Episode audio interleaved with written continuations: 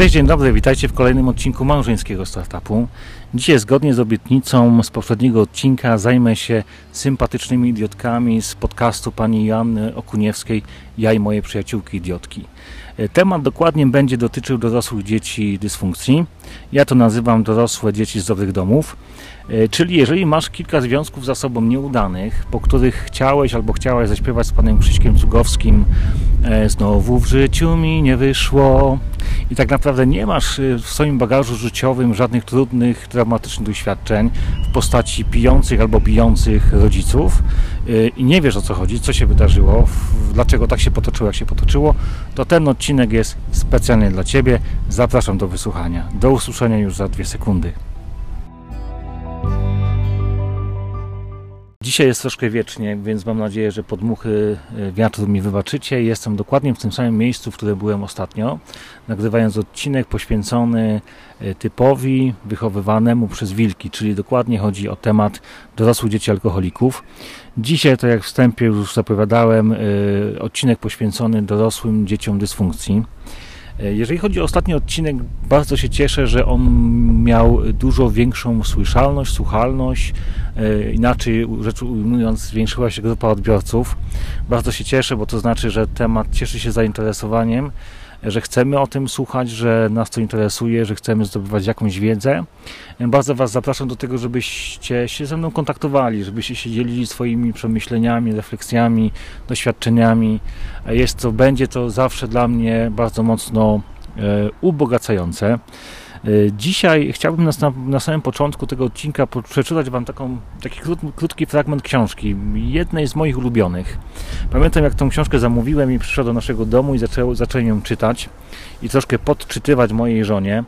To zaczęliśmy się w końcu bić o nią, kto ją e, będzie czytał e, wieczór, bo, bo tak bardzo nas wciągnęła. To jest książka pod tytułem najgorszy człowiek na świecie, y, pani Małgorzaty Halbert. Y, pani Małgorzata myślę, że nie, przynajmniej niektórym z nas jest znana z programu pod tytułem Viva. To jest taki program muzyczny. Ona jest taką bardzo sympatyczną blondynką, no właśnie, budzącą sympatię.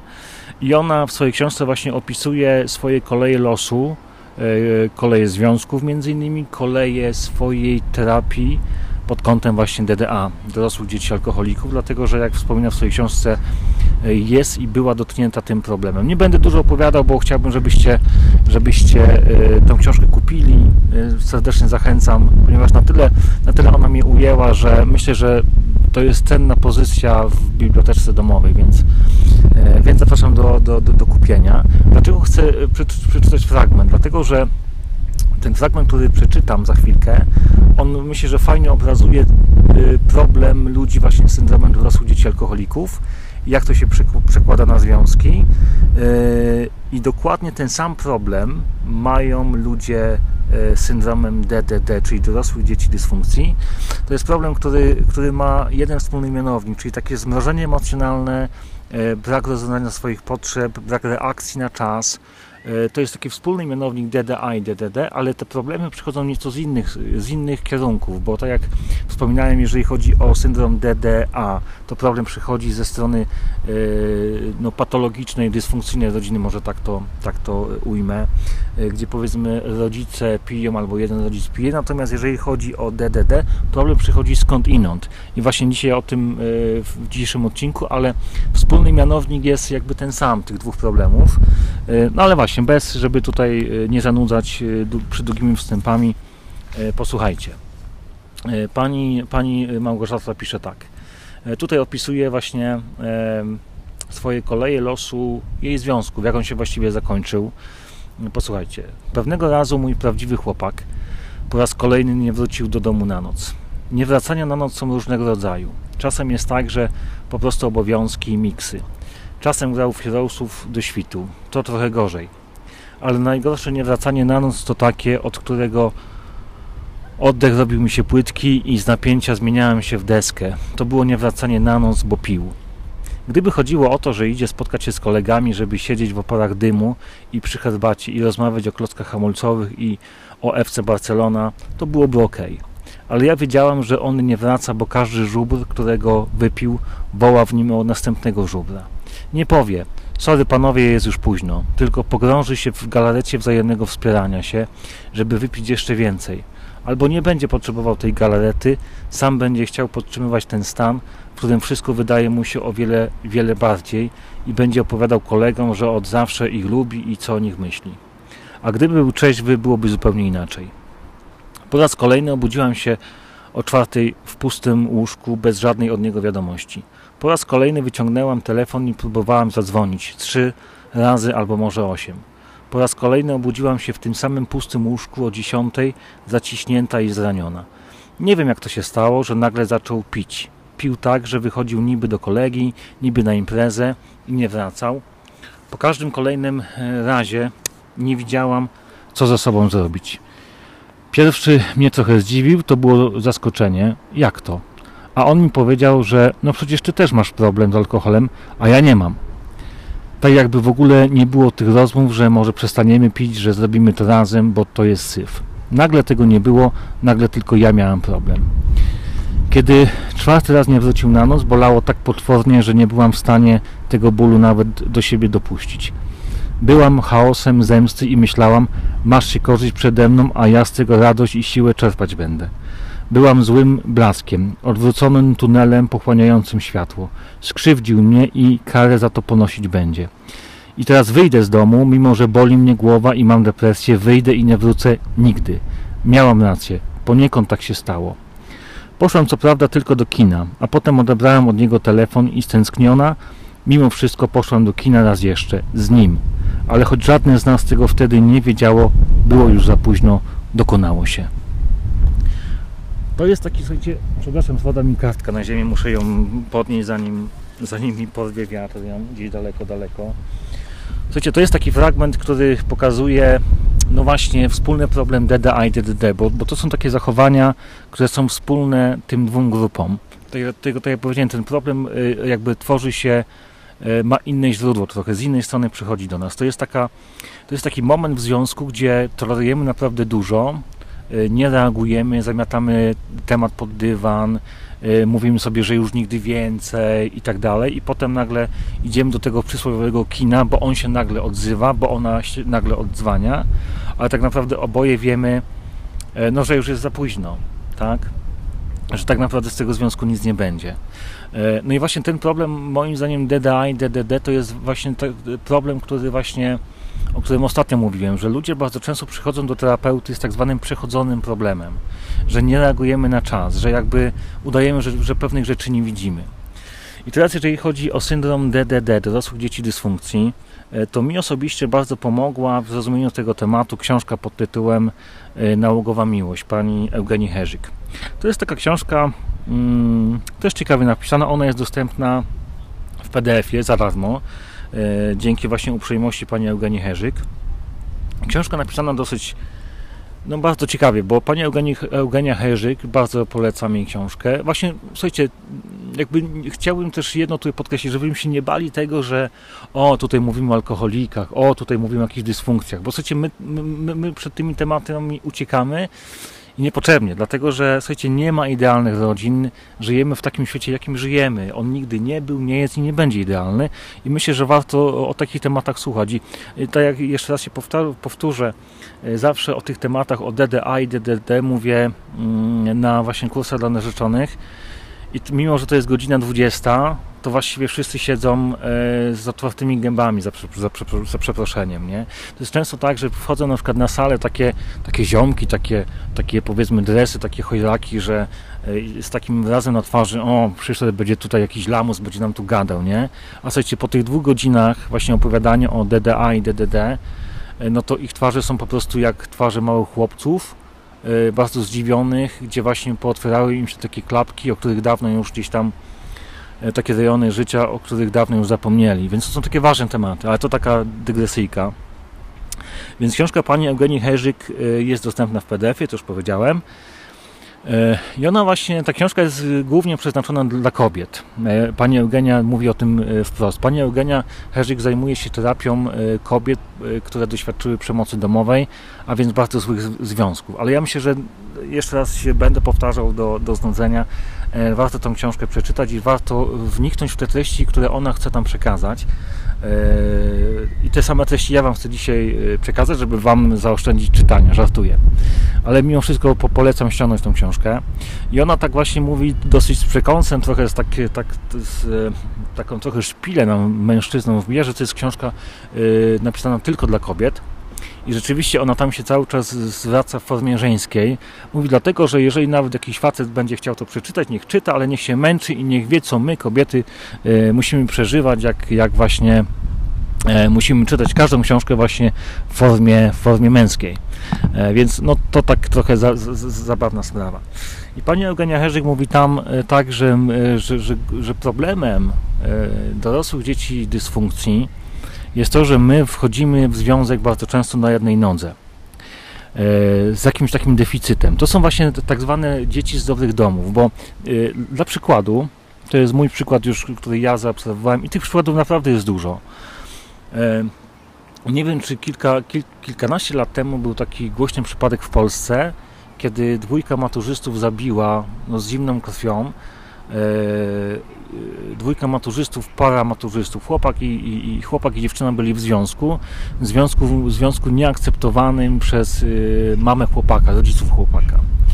E, ja pamiętam e, z wiadomości, były tam takie dosyć drastyczne sceny, kaczki nad nami, uwaga, tam były takie dosyć drastyczne sceny, pamiętam. E, była krew na ścianach, ponieważ było, było, była pokazana wizja lokalna z udziałem tego chłopaka.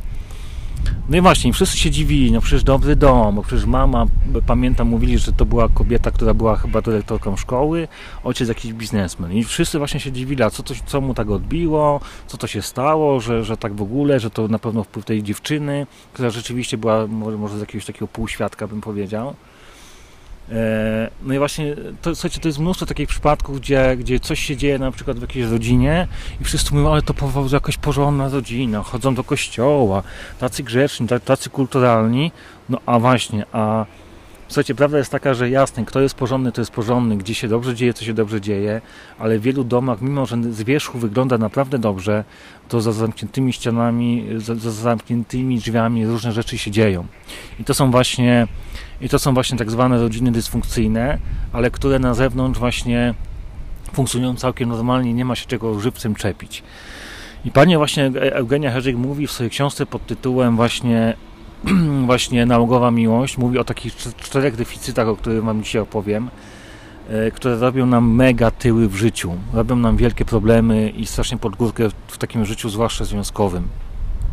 I ona mówi tak, że jeżeli wchodzimy w związek z tymi właśnie z jednym z tych deficytów, przynajmniej z jednym, bo możemy mieć, nie wiem, na, na, na, na wszystkich czterech płaszczyznach, o którym Wam za chwilę opowiem. Jeżeli wchodzimy z jakimś deficytem, to, to, to, wchodzimy, to wchodzimy w związek na tak zwanej jednej nodze. Nie mamy, nie trzymamy balansu. I ona mówi, że tak nie może być. Dlaczego? Dlatego, że e, właściwie nic w tym nie było, bo, bo bo, bo to jest tak, że to jak wspomniałem ostatnio, my jesteśmy od dziecka epatowani tymi obrazami takiej romantycznej miłości. Ta, ta, ta księżniczka na wieży czekająca na swojego księcia. E, ten powiedzmy E, nie wiem, ta śpiąca królewna. E, no, tak, taka romantyczna miłość, która słuchajcie, pokazuje to, że my jesteśmy, że my potrzebujemy swojej drugiej połówki. To jest bzdura. I ona mówi bardzo, w sensie widzę i słyszę, jakby wyczytuję między tymi wersami, że ona walczy z, tą, z, tym, z tymi mitami miłości, że ja muszę znaleźć swoją połówkę, bo ja nigdy nie będę inaczej szczęśliwa albo szczęśliwa. To jest bzdura. Bo słuchajcie, drugi człowiek nigdy E, bo słuchajcie, to, to nie byłoby nic złego, gdybyśmy rzeczywiście, gdyby drugi człowiek e, e, jakby gdybyśmy szukali tej drugiej połówki, gdyby drugi człowiek był gwarantem tego, że on będzie mi zaspokajał moje potrzeby do końca życia. Tu, tu jest problem, bo w tej, ta druga połówka tak zwana, to jest takie określenie, którego ja nie lubię, bo jest właśnie, no, które jest nieprawdziwe i błędne, błędnie pokazuje miłość ży życie jest takie, jakie jest, i ta druga połówka będzie miała słabszy czas, będzie potrzebowała wsparcia. Jeżeli my się uwieszamy na tej drugiej stronie, to właśnie e, powoduje to, że właśnie po pierwsze zmęczenie w tej drugiej połówce jabłka, tak? I w momencie, kiedy ta druga połówka jabłka e, nam opada, omdlewa właśnie, bo już nie ma siły nas dźwigać, to kiedy, kiedy ma odrobinie słabszy czas, to my klap na ziemię, klap na ziemię, klap na ziemię. My wtedy jakby jesteśmy w szoku, co się stało, no bo, no bo moja, moja połowica jakby już nie daje mi tego, co mi dawała na początku, wtedy, kiedy ta miłość była właśnie e, e noszona poprzez strzały Amora. Także, także ona właśnie mówi o tych deficytach, które musimy koniecznie, po pierwsze, jeżeli, jeżeli właśnie wchodzimy już w taką fazę związkową, gdzie już czujemy, że coś się dzieje tak na poważnie, to musimy te deficyty dużo wcześniej musimy mieć świadomość, jakie deficyty w, w sobie mamy, e, żeby zanim ten związek jakby, jakby e, wejdzie w taką decydującą fazę, żeby mieć świadomość tych deficytów, i, i jakby uzupełniać je e, we własnym zakresie, bo, bo jeśli nie, to właśnie są takie właśnie sytuacje, gdzie powiedzmy jest w związku fajnie, kiedy jest ta chemia, kiedy jest tak miło, fajnie yy, i superowo, kolorowo i powiedzmy na bazie tego podejmujemy jakieś decyzje, a po dwóch, trzech latach coś opada, ja już nie mam siły zaspokajać swoich potrzeb, trochę potrzebuję powiedzmy wsparcia od Ciebie, no a Ty mówisz, no ale jak to tak, nie? Więc, yy, no więc właśnie, więc chcecie, żeby no żeby, żeby nie przeciągać e, tematu, przechodzimy do omówienia tych właśnie czterech deficytów, które robią nam potężne tyły w naszym związkowym życiu. Do usłyszenia już za dwie sekundy.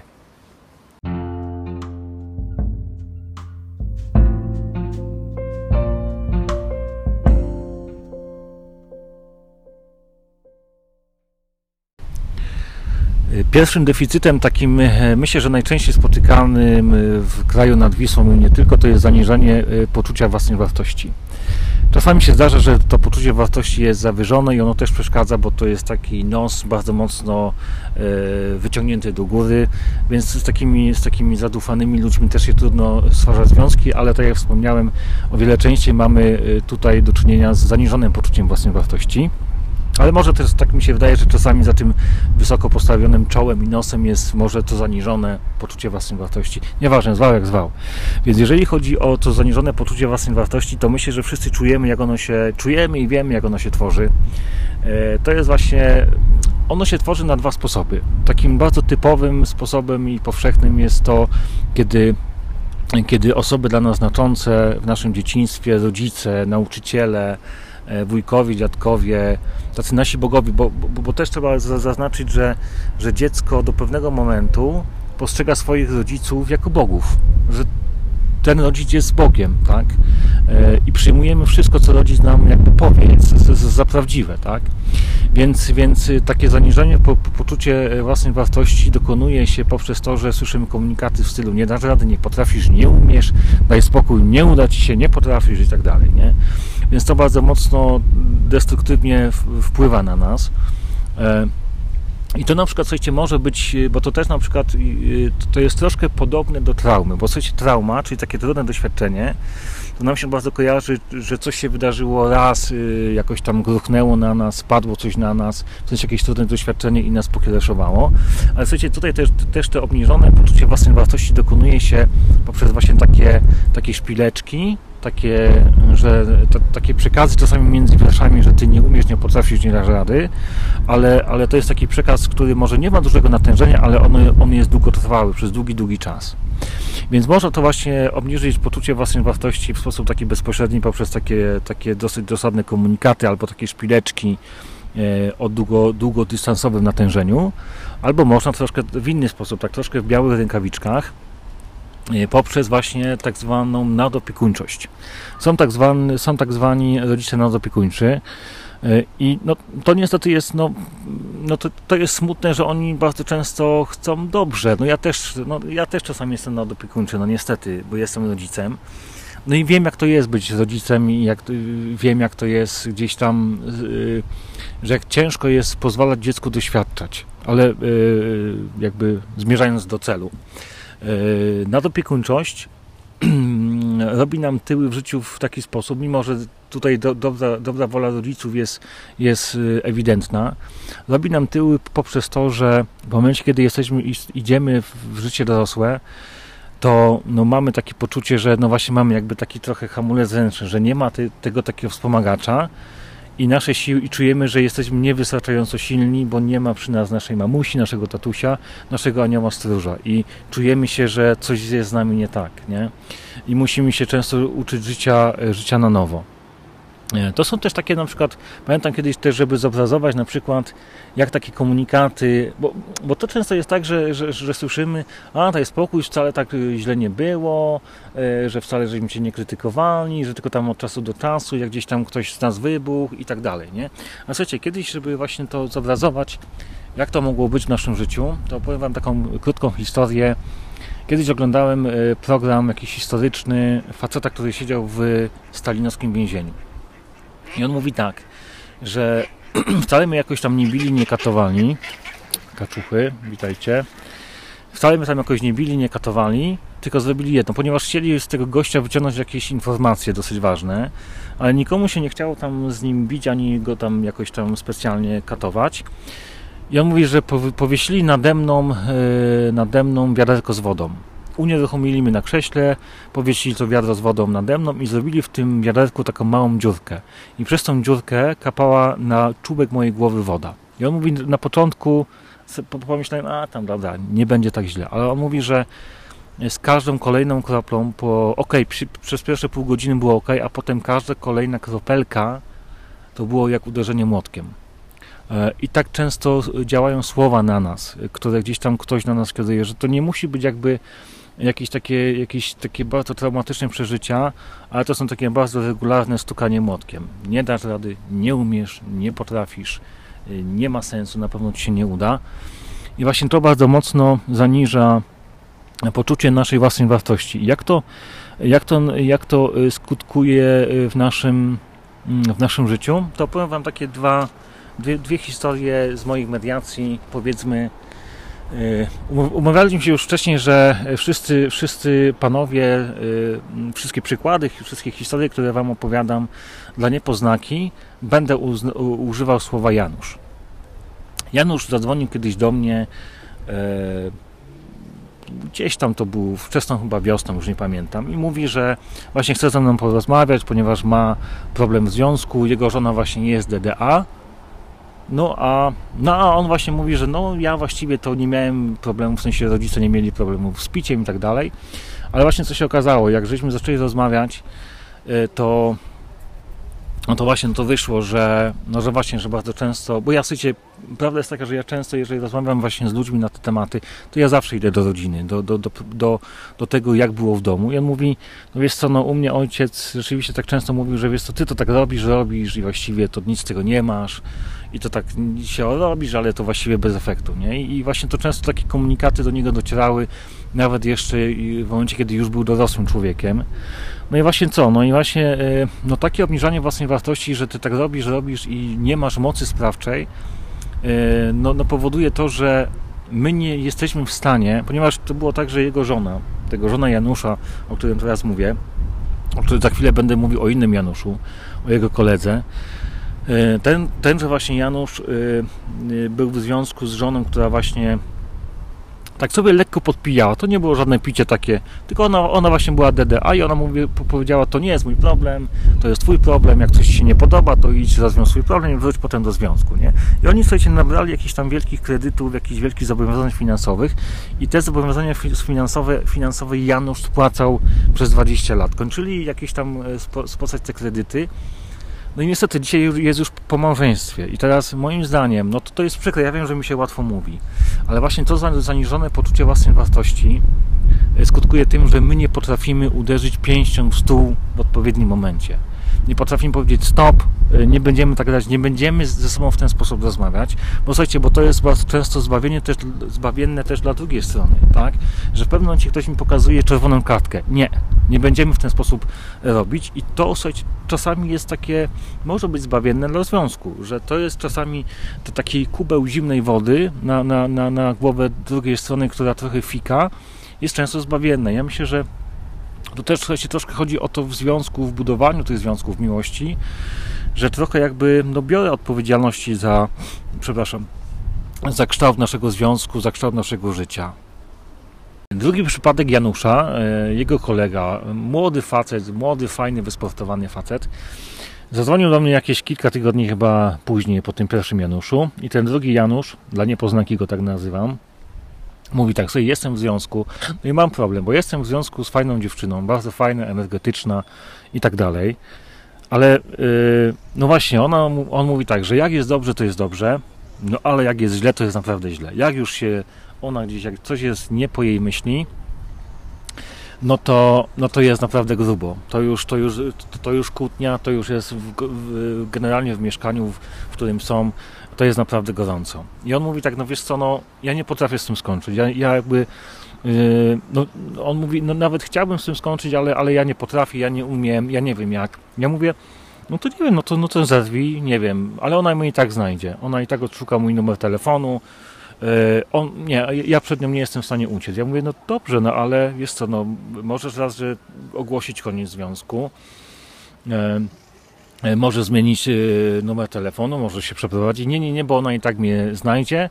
Jeszcze, jeszcze mówi do tego, że wiesz co, że, że, że znajomi moi mi mówią, że, że ona naprawdę, ta, ta dziewczyna źle na ciebie wpływa i słuchaj, Janusz, kończ ten związek, póki, póki naprawdę no, nie, nie nabawisz się serdecznych kłopotów, nie wiem, zdrowotnych, depresyjnych i tak dalej. E, I jak zwykle, jak właśnie w przypadku tamtego pierwszego Janusza zaczęliśmy rozmawiać E, na temat domu, na temat e, tego, jaki klimat był w domu.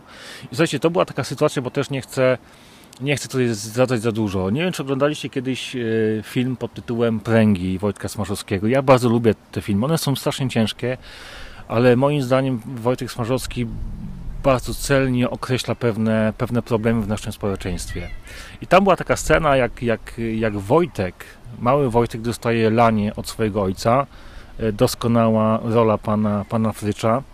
E, młody Wojtek już jako dorosły potem był grany przez pana Żebrowskiego. Doskonały film.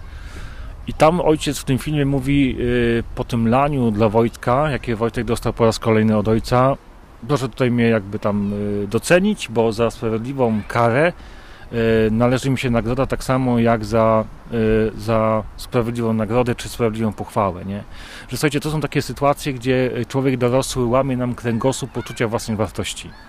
Że, że tutaj przekracza jakieś nasze granice e, i my potem właśnie budujemy taki, słuchajcie, domek bez, w wyniku takiego traktowania, my, my, my budujemy taki dom, słuchajcie, bez płotu że tak naprawdę każdy może nam wejść z buta, bo tak naprawdę nie jesteśmy w stanie wytyczyć pewnych jasno, jasno e, określonych granic. Także pewnych rzeczy, na pewne rzeczy ja się nie zgadzam, tak? Bo słuchajcie, bo to jest trochę tak jak z domem. Jeżeli dom ma, ma płot wokół swojej posesji, to wszyscy wiedzą, którędy mają wchodzić. Tak? Tu jest bramka, tu jest dzwonek, tu jest domofon i proszę w taki, taki sposób korzystać. Natomiast jeżeli nie mamy płotka, który na przykład został nam złamany, połamany albo w ogóle jakby nie wybudowany E, ponieważ no, no, no, takie mamy poczucie własnej wartości, to każdy włazi nam z butami, którędy mu się chce. I to też często na przykład y, powoduje w nas wybuchy złości, frustracji, że no halo, halo, którędy tu wozicie. Więc to jest też jakby takie y, to zaniżenie, ten brak płotka w postaci zaniżonego y, poczucia własnej wartości powoduje to, że no, są ludzie, którzy, i to często w związku, którzy robią z nami, co, co im się żywcem podoba. No i to w ogóle nie jest jakby dobre y, dla, dla, y, dla startupów w momencie, kiedy określamy, czy nasze, czy nasze systemy wartości się jakoś uzupełniają, czy one są ze sobą, e, ze sobą spójne. Więc, e, więc bardzo mocno rekomenduję, prześledźcie sobie tutaj, e, jeżeli chodzi o ten deficyt, wasze poczucie własnej wartości E, no i tutaj trzeba troszkę pogrzebać e, i się po prostu z tym odważnie, bardzo odważnie zmierzyć.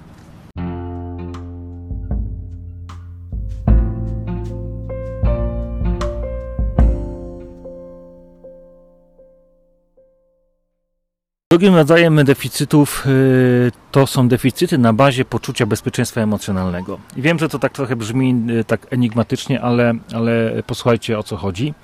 Y, to jest nic innego jak takie swobodne wyrażanie moich emocji, zwłaszcza jeżeli chodzi o czas bycia dzieckiem, a, więc nasz, nasz dom rodzinny. Czy myśmy mogli przy naszych rodzicach na spokojnie wyrażać swoje emocje, tak jak na przykład tutaj na pewno, na pewno słyszycie dzieci w tle, biegające, krzyczące, radośnie dzieci. Czy myśmy takie emocje mogli w naszym domu wyrażać? I tutaj głównie mi chodzi nie tyle o radość, bo zauważcie, że te takie pozytywne emocje e, są akceptowalne, natomiast jest już gorzej trochę z takimi tak zwanymi trudnymi emocjami. Bo też zauważcie jedno, że że emocje, my często błędnie, błędnie mówimy y, złe emocje, czyli gniew, czyli lęk, czyli jakaś tam zazdrość. Nie.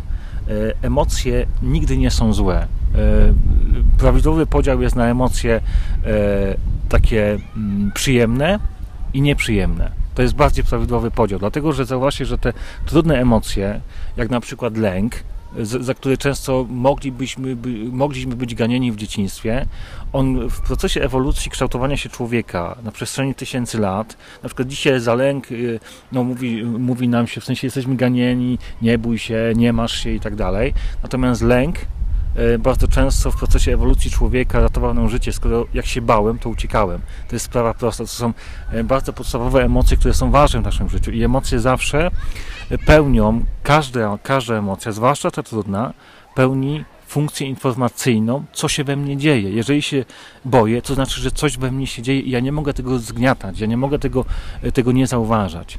No i właśnie teraz, jeżeli powiedzmy, mieliśmy rodziców, którzy nas ganili za te trudne emocje, e, coś w stylu już nie masz się, nie dącaj się, przestań beczeć i tak dalej, to no to właśnie, to idziemy w dwie mańki. Yy, albo w jedną, albo w drugą. I że albo powiedzmy zaczynamy na przykład tańczyć wokół emocji właśnie dorosłych, no to żeby już mamusia albo tatuś się nie gniewali, to to już nie będę płakał, nie? I zaczynamy tańczyć wokół emocji, yy, zwłaszcza w dorosłym życiu, bo taki jest schemat wyniesiony z dzieciństwa, to zaczynamy tańczyć wokół emocji innych ludzi, a nie swoich, i tu bardzo często właśnie dochodzimy, wchodzimy w takie sytuacje w związku, że no ktoś po prostu jakby przekracza właśnie moje granice, przekracza moje limity, a ja nie reaguję. Czuję jakiś gniew, czuję jakiś lęk, czuję jakieś poirytowanie, a ja tego nie potrafię w ogóle jakby zmienić, tak? I właśnie tak jak doczytałem ten fragment na samym początku. Jest taki moment, gdzie nasze życie leci po prostu na łeb, na szyję, a my nie robimy nic, dlatego że moje, moje złe emocje, trudne emocje, które mówią, co się we mnie dzieje, które gdzieś tam powinny obudzić mój taki większy sprzeciw, one jakby są spychane gdzieś tam głęboko, głęboko w nas, nie? Więc to jest jedna możliwość, jeżeli mieliśmy coś takiego, taka postawa y, w życiu naszym rodzinnym nas spotkała, albo idziemy w drugą mańkę. E, jeżeli powiedzmy rodzice nas ganili za to, za, za nasze trudne emocje, to też drugim takim mechanizmem obronnym jest to, że e, ja odcinam się od emocji w ogóle odcinam się od emocji swoich własnych, ale też od emocji, które e, mają e, e, ludzie dookoła mnie. I to bardzo często, słuchajcie, to są tacy ludzie, to są to, to, takie żelazne damy, e, taka żelazna dama albo żelazny Jan, ja to tak nazywam. E, to są, słuchajcie, bardzo często ludzie sukcesu, którzy na przykład w życiu zawodowym naprawdę gdzieś tam zachodzą bardzo wysoko, bardzo daleko, ale problem polega na tym, że w życiu takim osobistym jest totalna klapa. Dlaczego? Dlatego, że no, że właśnie bez, y, bez takich, y, powiedziałbym, miękkich emocji, jak powiedzmy współczucie, jak empatia, jak jakieś takie, no nie wiem, rozczulenie, albo powiedzmy współczucie, no bez tego się no, w ogóle nie da nie da w żaden sposób, y, w żaden sposób budować bliskich i takich trwałych relacji. E, no właśnie dlatego jest, myślę, że dzisiaj jest bardzo ważne to, e, żeby, żebyśmy się uczyli, jeżeli na przykład będziemy pracowali nad tym deficytem, żebyśmy się e, w sposób konstruktywny uczyli, jak dobrze rozładowywać te trudne emocje. Jeżeli na przykład jestem, jeżeli się gniewam, to na przykład mogę powiedzmy, nie wiem, skopać poduszkę, mogę przebić balon, mogę uderzyć w ścianę, mogę wykrzyczeć się gdzieś tam w jakimś osobnym pomieszczeniu, E, niekoniecznie powiedzmy krzycząc na osobę, która jest obok mnie, która jest bardzo często e, Bogu e, ducha winna. Więc to jest, mam nadzieję, że, że mniej więcej wytłumaczyłem, na czym polega ten właśnie deficyt na bazie poczucia bezpieczeństwa emocjonalnego. Przechodzimy do kolejnego.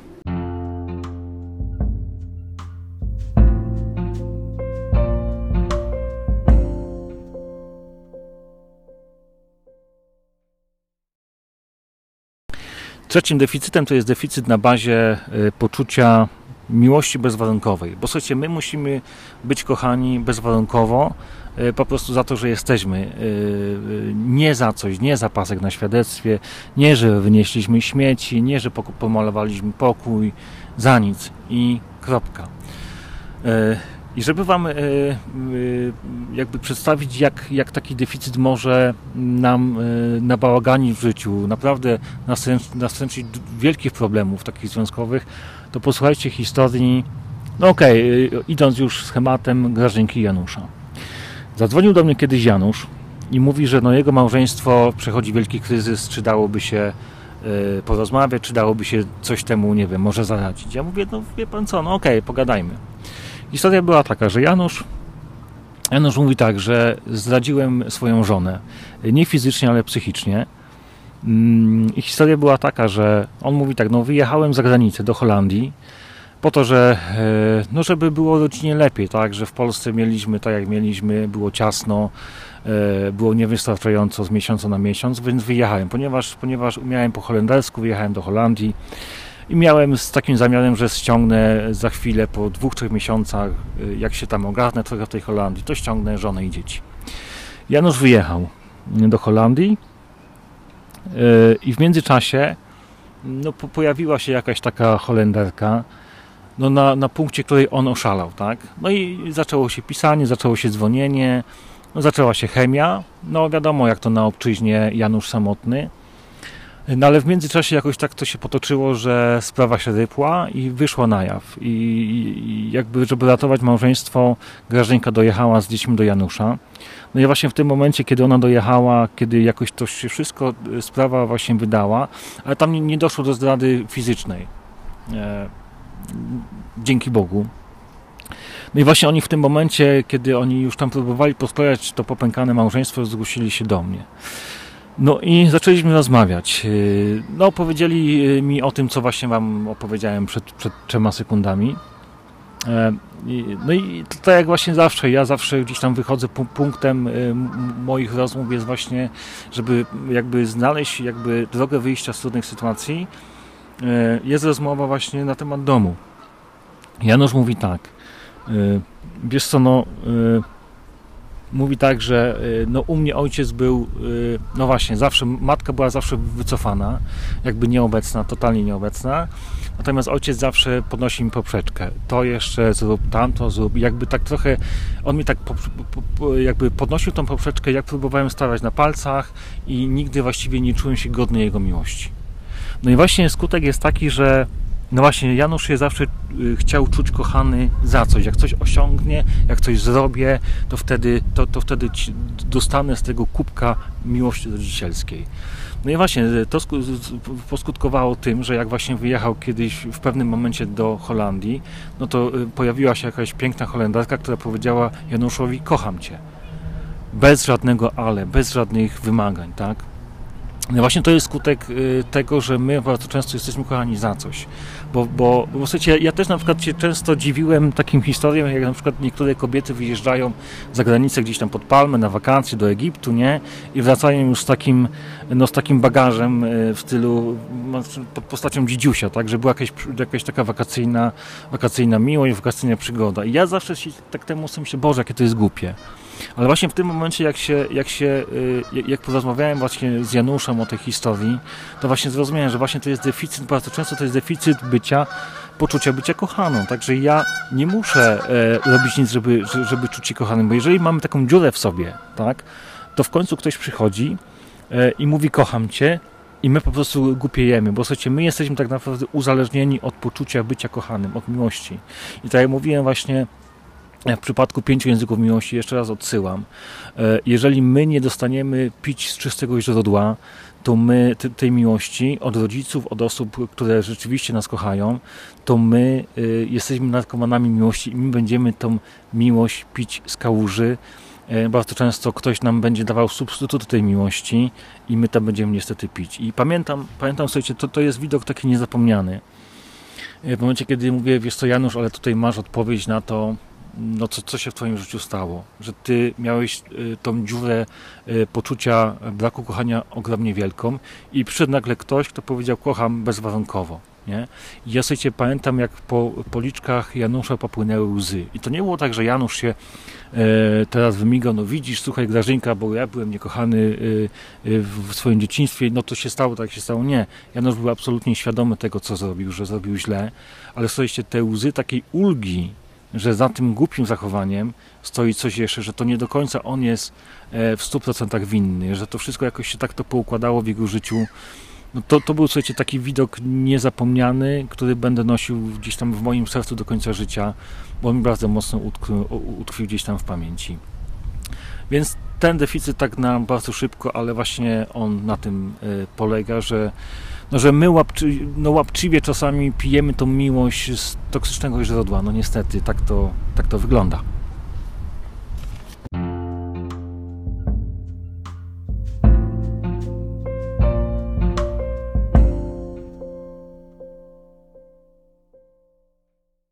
Słuchajcie, czwarty deficyt brzmi dosyć znowu dziwnie i enigmatycznie. To jest deficyt na bazie poczucia tożsamości seksualnej, własnej tożsamości seksualnej. Już tłumaczę o co chodzi. E, tutaj chodzi e, tylko i wyłącznie o to, czy wiemy tak naprawdę, co to znaczy być mężczyzną dzisiaj, co to znaczy być dzisiaj kobietą. I o ile wydaje mi się, że kobiety dzisiaj dosyć mocno zaktualizowały swoją rolę w społeczeństwie, tak mamy trochę problem z mężczyznami. I to jest taka sytuacja, która tłoczy się, która się leje takim małym strumyczkiem, taki problem, który wcieka w nasze społeczeństwo już od dawna. Bo wiecie co, zastanówcie się, e, ja mam teraz 40 lat i wiecie co, jak się tak, e, ja, ja to samo pytanie stawiam, słuchajcie, na kursie dla narzeczonych, bo jesteśmy mniej więcej w podobnym wieku.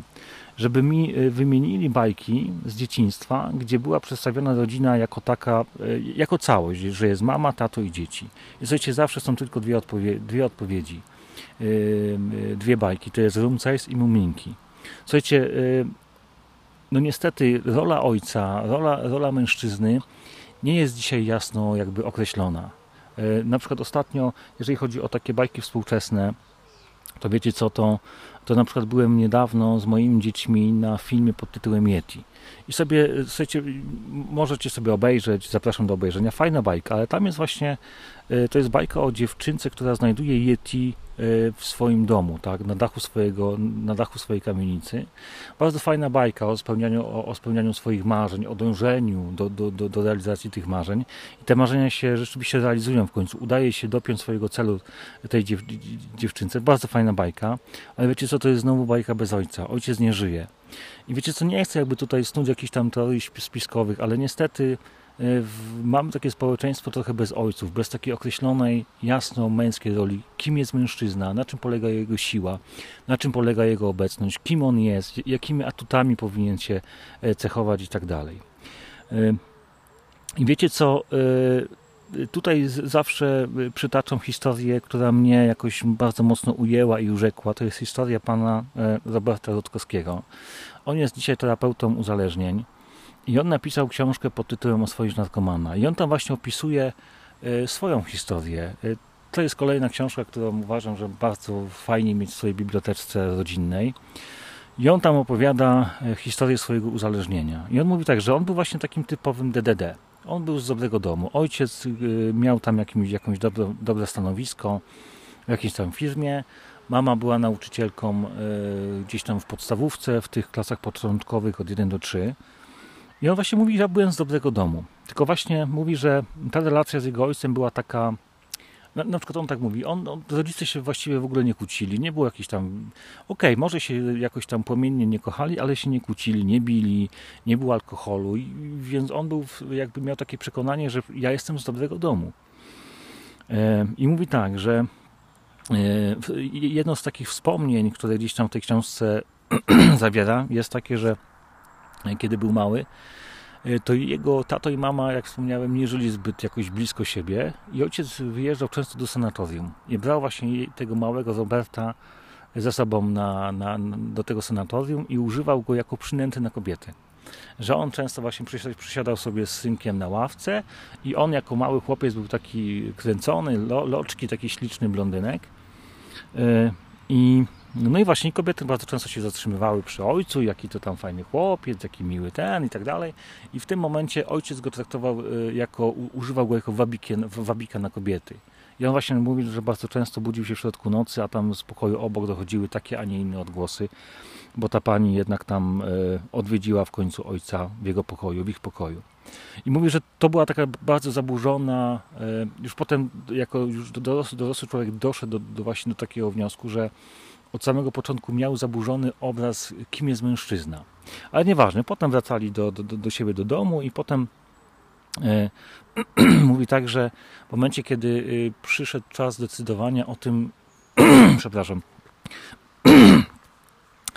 kiedy przyszedł moment decydowania o tym, jak, do jakiej szkoły średniej pójdzie, ojciec mu kazał iść do jakiejś tam zawodówki elektrycznej, jakoś tam elektronicznej, coś takiego. On mówi, że ja się nigdy nie czułem e, dobrze w ścisłych przedmiotach. Nie? Ojciec mówi, masz iść do zawodówki, bo jako chłop musisz mieć wykształcenie, musisz mieć fach w ręku. I on mówi, no dobra, no to poszedłem, nie? Ojciec kazał, to poszedłem, ale mówi tak, że no w tej szkole się zupełnie nie odnalazłem, przedmioty nie te, koledzy nie ci. E, I mówi, że w pewnym momencie mama go zapisała na lekcję koszykówki i mówi, że on miał takie zacięcie sportowe, on to lubił. Mm, I mówi, że w tej koszykówce mu całkiem nieźle szło. Mówi, że, że miał zadatki naprawdę na, na Ligę Europejską. E, I mówi tak, że jakoś w międzyczasie się tak nieszczęśliwie zakochał. E, także e, te, te treningi trochę porzucił i, i przestał chodzić na treningi. I pewnego dnia trener go spotkał na ulicy i mówi, słuchaj Robert, dlaczego ty nie chodzisz, daj spokój, wróć na treningi, bo fajnie ci idzie, szkoda, szkoda żebyś się zmarnował. Nie?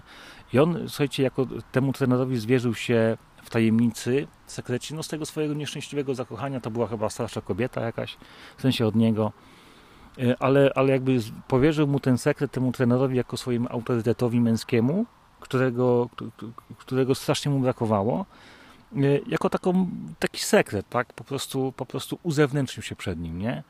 E, z zastrzeżeniem, że jest to tajemnica między nimi, tak? No on mówi, mówi, no dobra, okej, okay, rozumiem cię, no ale wróć na trening, bo, no, no bo szkoda, żebyś się zmarnował, nie? No to on mówi, on pomyślał, no to okej, okay, to wrócę, nie? I na drugi dzień jak tylko przekroczył próg szatni, e, wszyscy, chłopa, wszyscy chłopaki buchnęli śmiechem w momencie, kiedy on wszedł do szatni. No i się zorientował, że niestety no, trener nie zachował tego, tego dla siebie. I on mówi, no właśnie, no to mnie tak dobiło, że kolejny męski autorytet po prostu mnie zawiódł, nie? wystawił mnie do wiatru. Nie, nie mogłem na kolejnym męskim autorytecie, na kolejnym mężczyźnie, no po prostu zwyczajnie się zawiodłem. I on mówi, że jakoś jakiś czas później, no okej, okay, chodził na te treningi pojechali na jakieś zgrupowanie do Zakopanego i tam skumał się z jakimś kumplem, innym kolegą, który też cierpiał takie trochę niezrozumienie w świecie, e, nie mógł sobie swojego miejsca znaleźć i poczęstował go wtedy pierwszą działką heroiny. I mówi, że e, tak wielka tak wielka dawka e, endorfin, tak wielkie poczucie szczęścia, że przy takim deficycie właśnie poczucia nieszczęścia, poczucia braku zrozumienia, on mówi, popłynąłem w nauk prawie, e, prawie od razu. Nie? I on mówi, jasne, że to nie było tak, że od razu zaczął tak ćpać po bandzie, jak to się mówi, ale tak powoli, sportowo, od czasu do czasu, no aż, aż w końcu no, popłynął i mówi, że był taki moment, na początku rodzice jakby no nie, nie orientowali się o co tu w, tym wszystkim chodzi, no ale był taki moment, gdzie wylądował, wylądował w szpitalu, raz, drugi, trzeci, no i w końcu się sprawa wydała, że sobie z tymi narkotykami po prostu zwyczajnie nie radzi. Mówił, że był taki moment w, w, domu, gdzie no, rodzice w jakiś sposób akceptowali no, to, co się dzieje, no i tam obok y, kanapek y, ojca do pracy leżała strzał, y, strzykawka z działką heroiny dla, dla niego. I mówi, że w pewnym momencie ojciec się trochę przebudził, nie trochę się zreflektował, że jednak coś y, w życiu swojego syna przegapił i mówi, że ojciec jego założył takie stowarzyszenie, fundację dla rodziców, którzy mają problemy właśnie y, z dziećmi, które zażywają narkotyki, z, uzależnionymi. I on mówi tak, że mm, w pewnym momencie przychodzi do niego ojciec i mówi, słuchaj, Robert, jest u nas w fundacji taka kobieta, która no, ma też problem z synem. Wiesz co, weź wyjaśnij jak to jest, jak my tutaj działamy i tak dalej, nie? Bo ty, bo, bo ty jakby znasz temat od podszewki. I mówi, że i mówi, że no to rzeczywiście, no pomyślał, mogę pogadać, czemu nie. E, I on, ok, pogadał z tą mamą i słuchajcie, na drugi dzień tato go spotyka i mówi, słuchaj, wiesz co, ta, ta kobieta ja Ci bardzo dziękuję, ale ona była zachwycona rozmową z Tobą, że masz tak fantastyczne podejście, tak powiedziała, że masz tak fantastyczne podejście, że po prostu no, jesteś genialny w tym, co robisz. I w zasadzie w tym momencie e, to był taki punkt, jasne, że miał jeszcze tam jakieś inne no inne przygody, bo on tak naprawdę na tej liście, słuchajcie, on był, słuchajcie, uzależniony potem od wszystkiego. To była długa droga, ja mówię w wielkim skrócie tą jego historię. Ale on właśnie mówi, że to był jego taki punkt, słuchajcie, e, zwrotny w jego życiu, że on poczuł coś, słuchajcie, sprawczy, męsko sprawczy w tym, w czym on zawsze, co zawsze kochał, w czym on zawsze czuł się dobrze, czyli w kontakcie z ludźmi, w takich przedmiotach humanistycznych. I, i, I tutaj był taki moment właśnie jego odbicia się od dna. E, zaczął studiować terapię, dzisiaj jest terapeutą. Myślę, że można go bardzo często spotkać w jakichś tam telewizjach śniadaniowych. E, no to jest właśnie bardzo ważne, żeby, że, że, no, nauka dla mnie z tego jest bardzo jasna, że to nie jest tak, że facet musi dzisiaj biegać z motkiem po budowie, żeby był męski.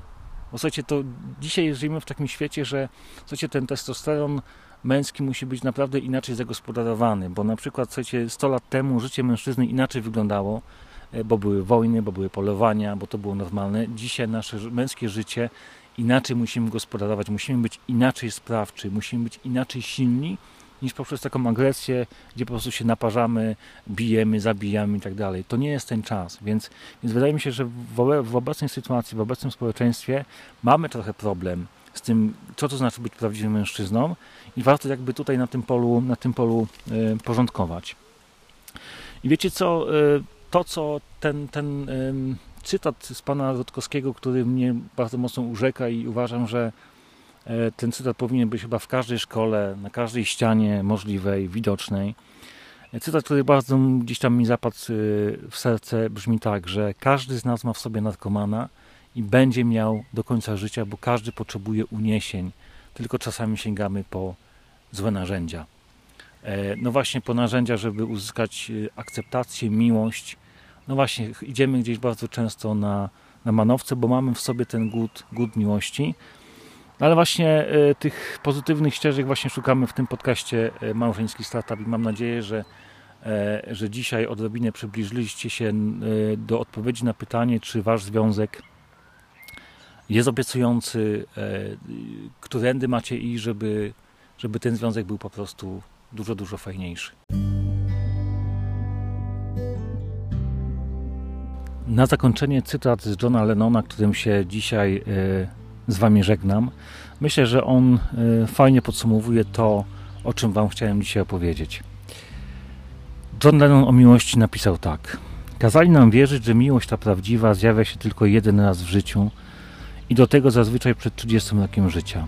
Nie powiedziano nam, że miłość nie jest sterowna i nie przychodzi w ściśle określonym czasie. Kazali nam wierzyć, że każdy z nas jest połówką pomarańczy, że życie ma sens tylko wtedy, gdy znajdziemy tę drugą połowę. Nie powiedziano nam, że rodzimy się w całości, że nikt w naszym życiu nie zasługuje na to, by nieść na swoich barkach odpowiedzialność za dopełnienie naszych braków. Rozwijamy się w sobie. Jeśli jesteśmy w dobrym towarzystwie, to jest to po prostu przyjemniejsze. Kazali nam uwierzyć w formułę dwa w jednym. Dwoje ludzi, którzy myślą tak samo, zachowują się tak samo, że jedynie tak to działa. Nie powiedziano nam, że to ma swoją nazwę anulowanie siebie, że jedynie osoby o własnej osobowości mogą budować zdrowe związki. Kazali nam wierzyć, że małżeństwo jest koniecznością i że pragnienia nie o czasie muszą być stłumione. Wmówili nam, że piękni i szczupli są bardziej kochani, że ci, którzy uprawiają mało seksu, są zacofani, a ci, którzy uprawiają go zbyt wiele, nie są godni zaufania. Kazali nam wierzyć, że istnieje tylko jeden przepis na szczęście, taki sam dla wszystkich, i ci, którzy starają się go ominąć, skazani są na marginalizację. Nie powiedziano nam, że ten przepis nie działa, wzostuje ludzi, alienuje ich i że istnieją inne alternatywy. Ach, i nie powiedzieli nam nawet tego, że nikt nigdy nam tego nie wyjaśni. Każdy z nas odkryje to na własną rękę. Dziękuję za uwagę. Do usłyszenia w kolejnym odcinku. Trzymajcie się ciepło. Cześć.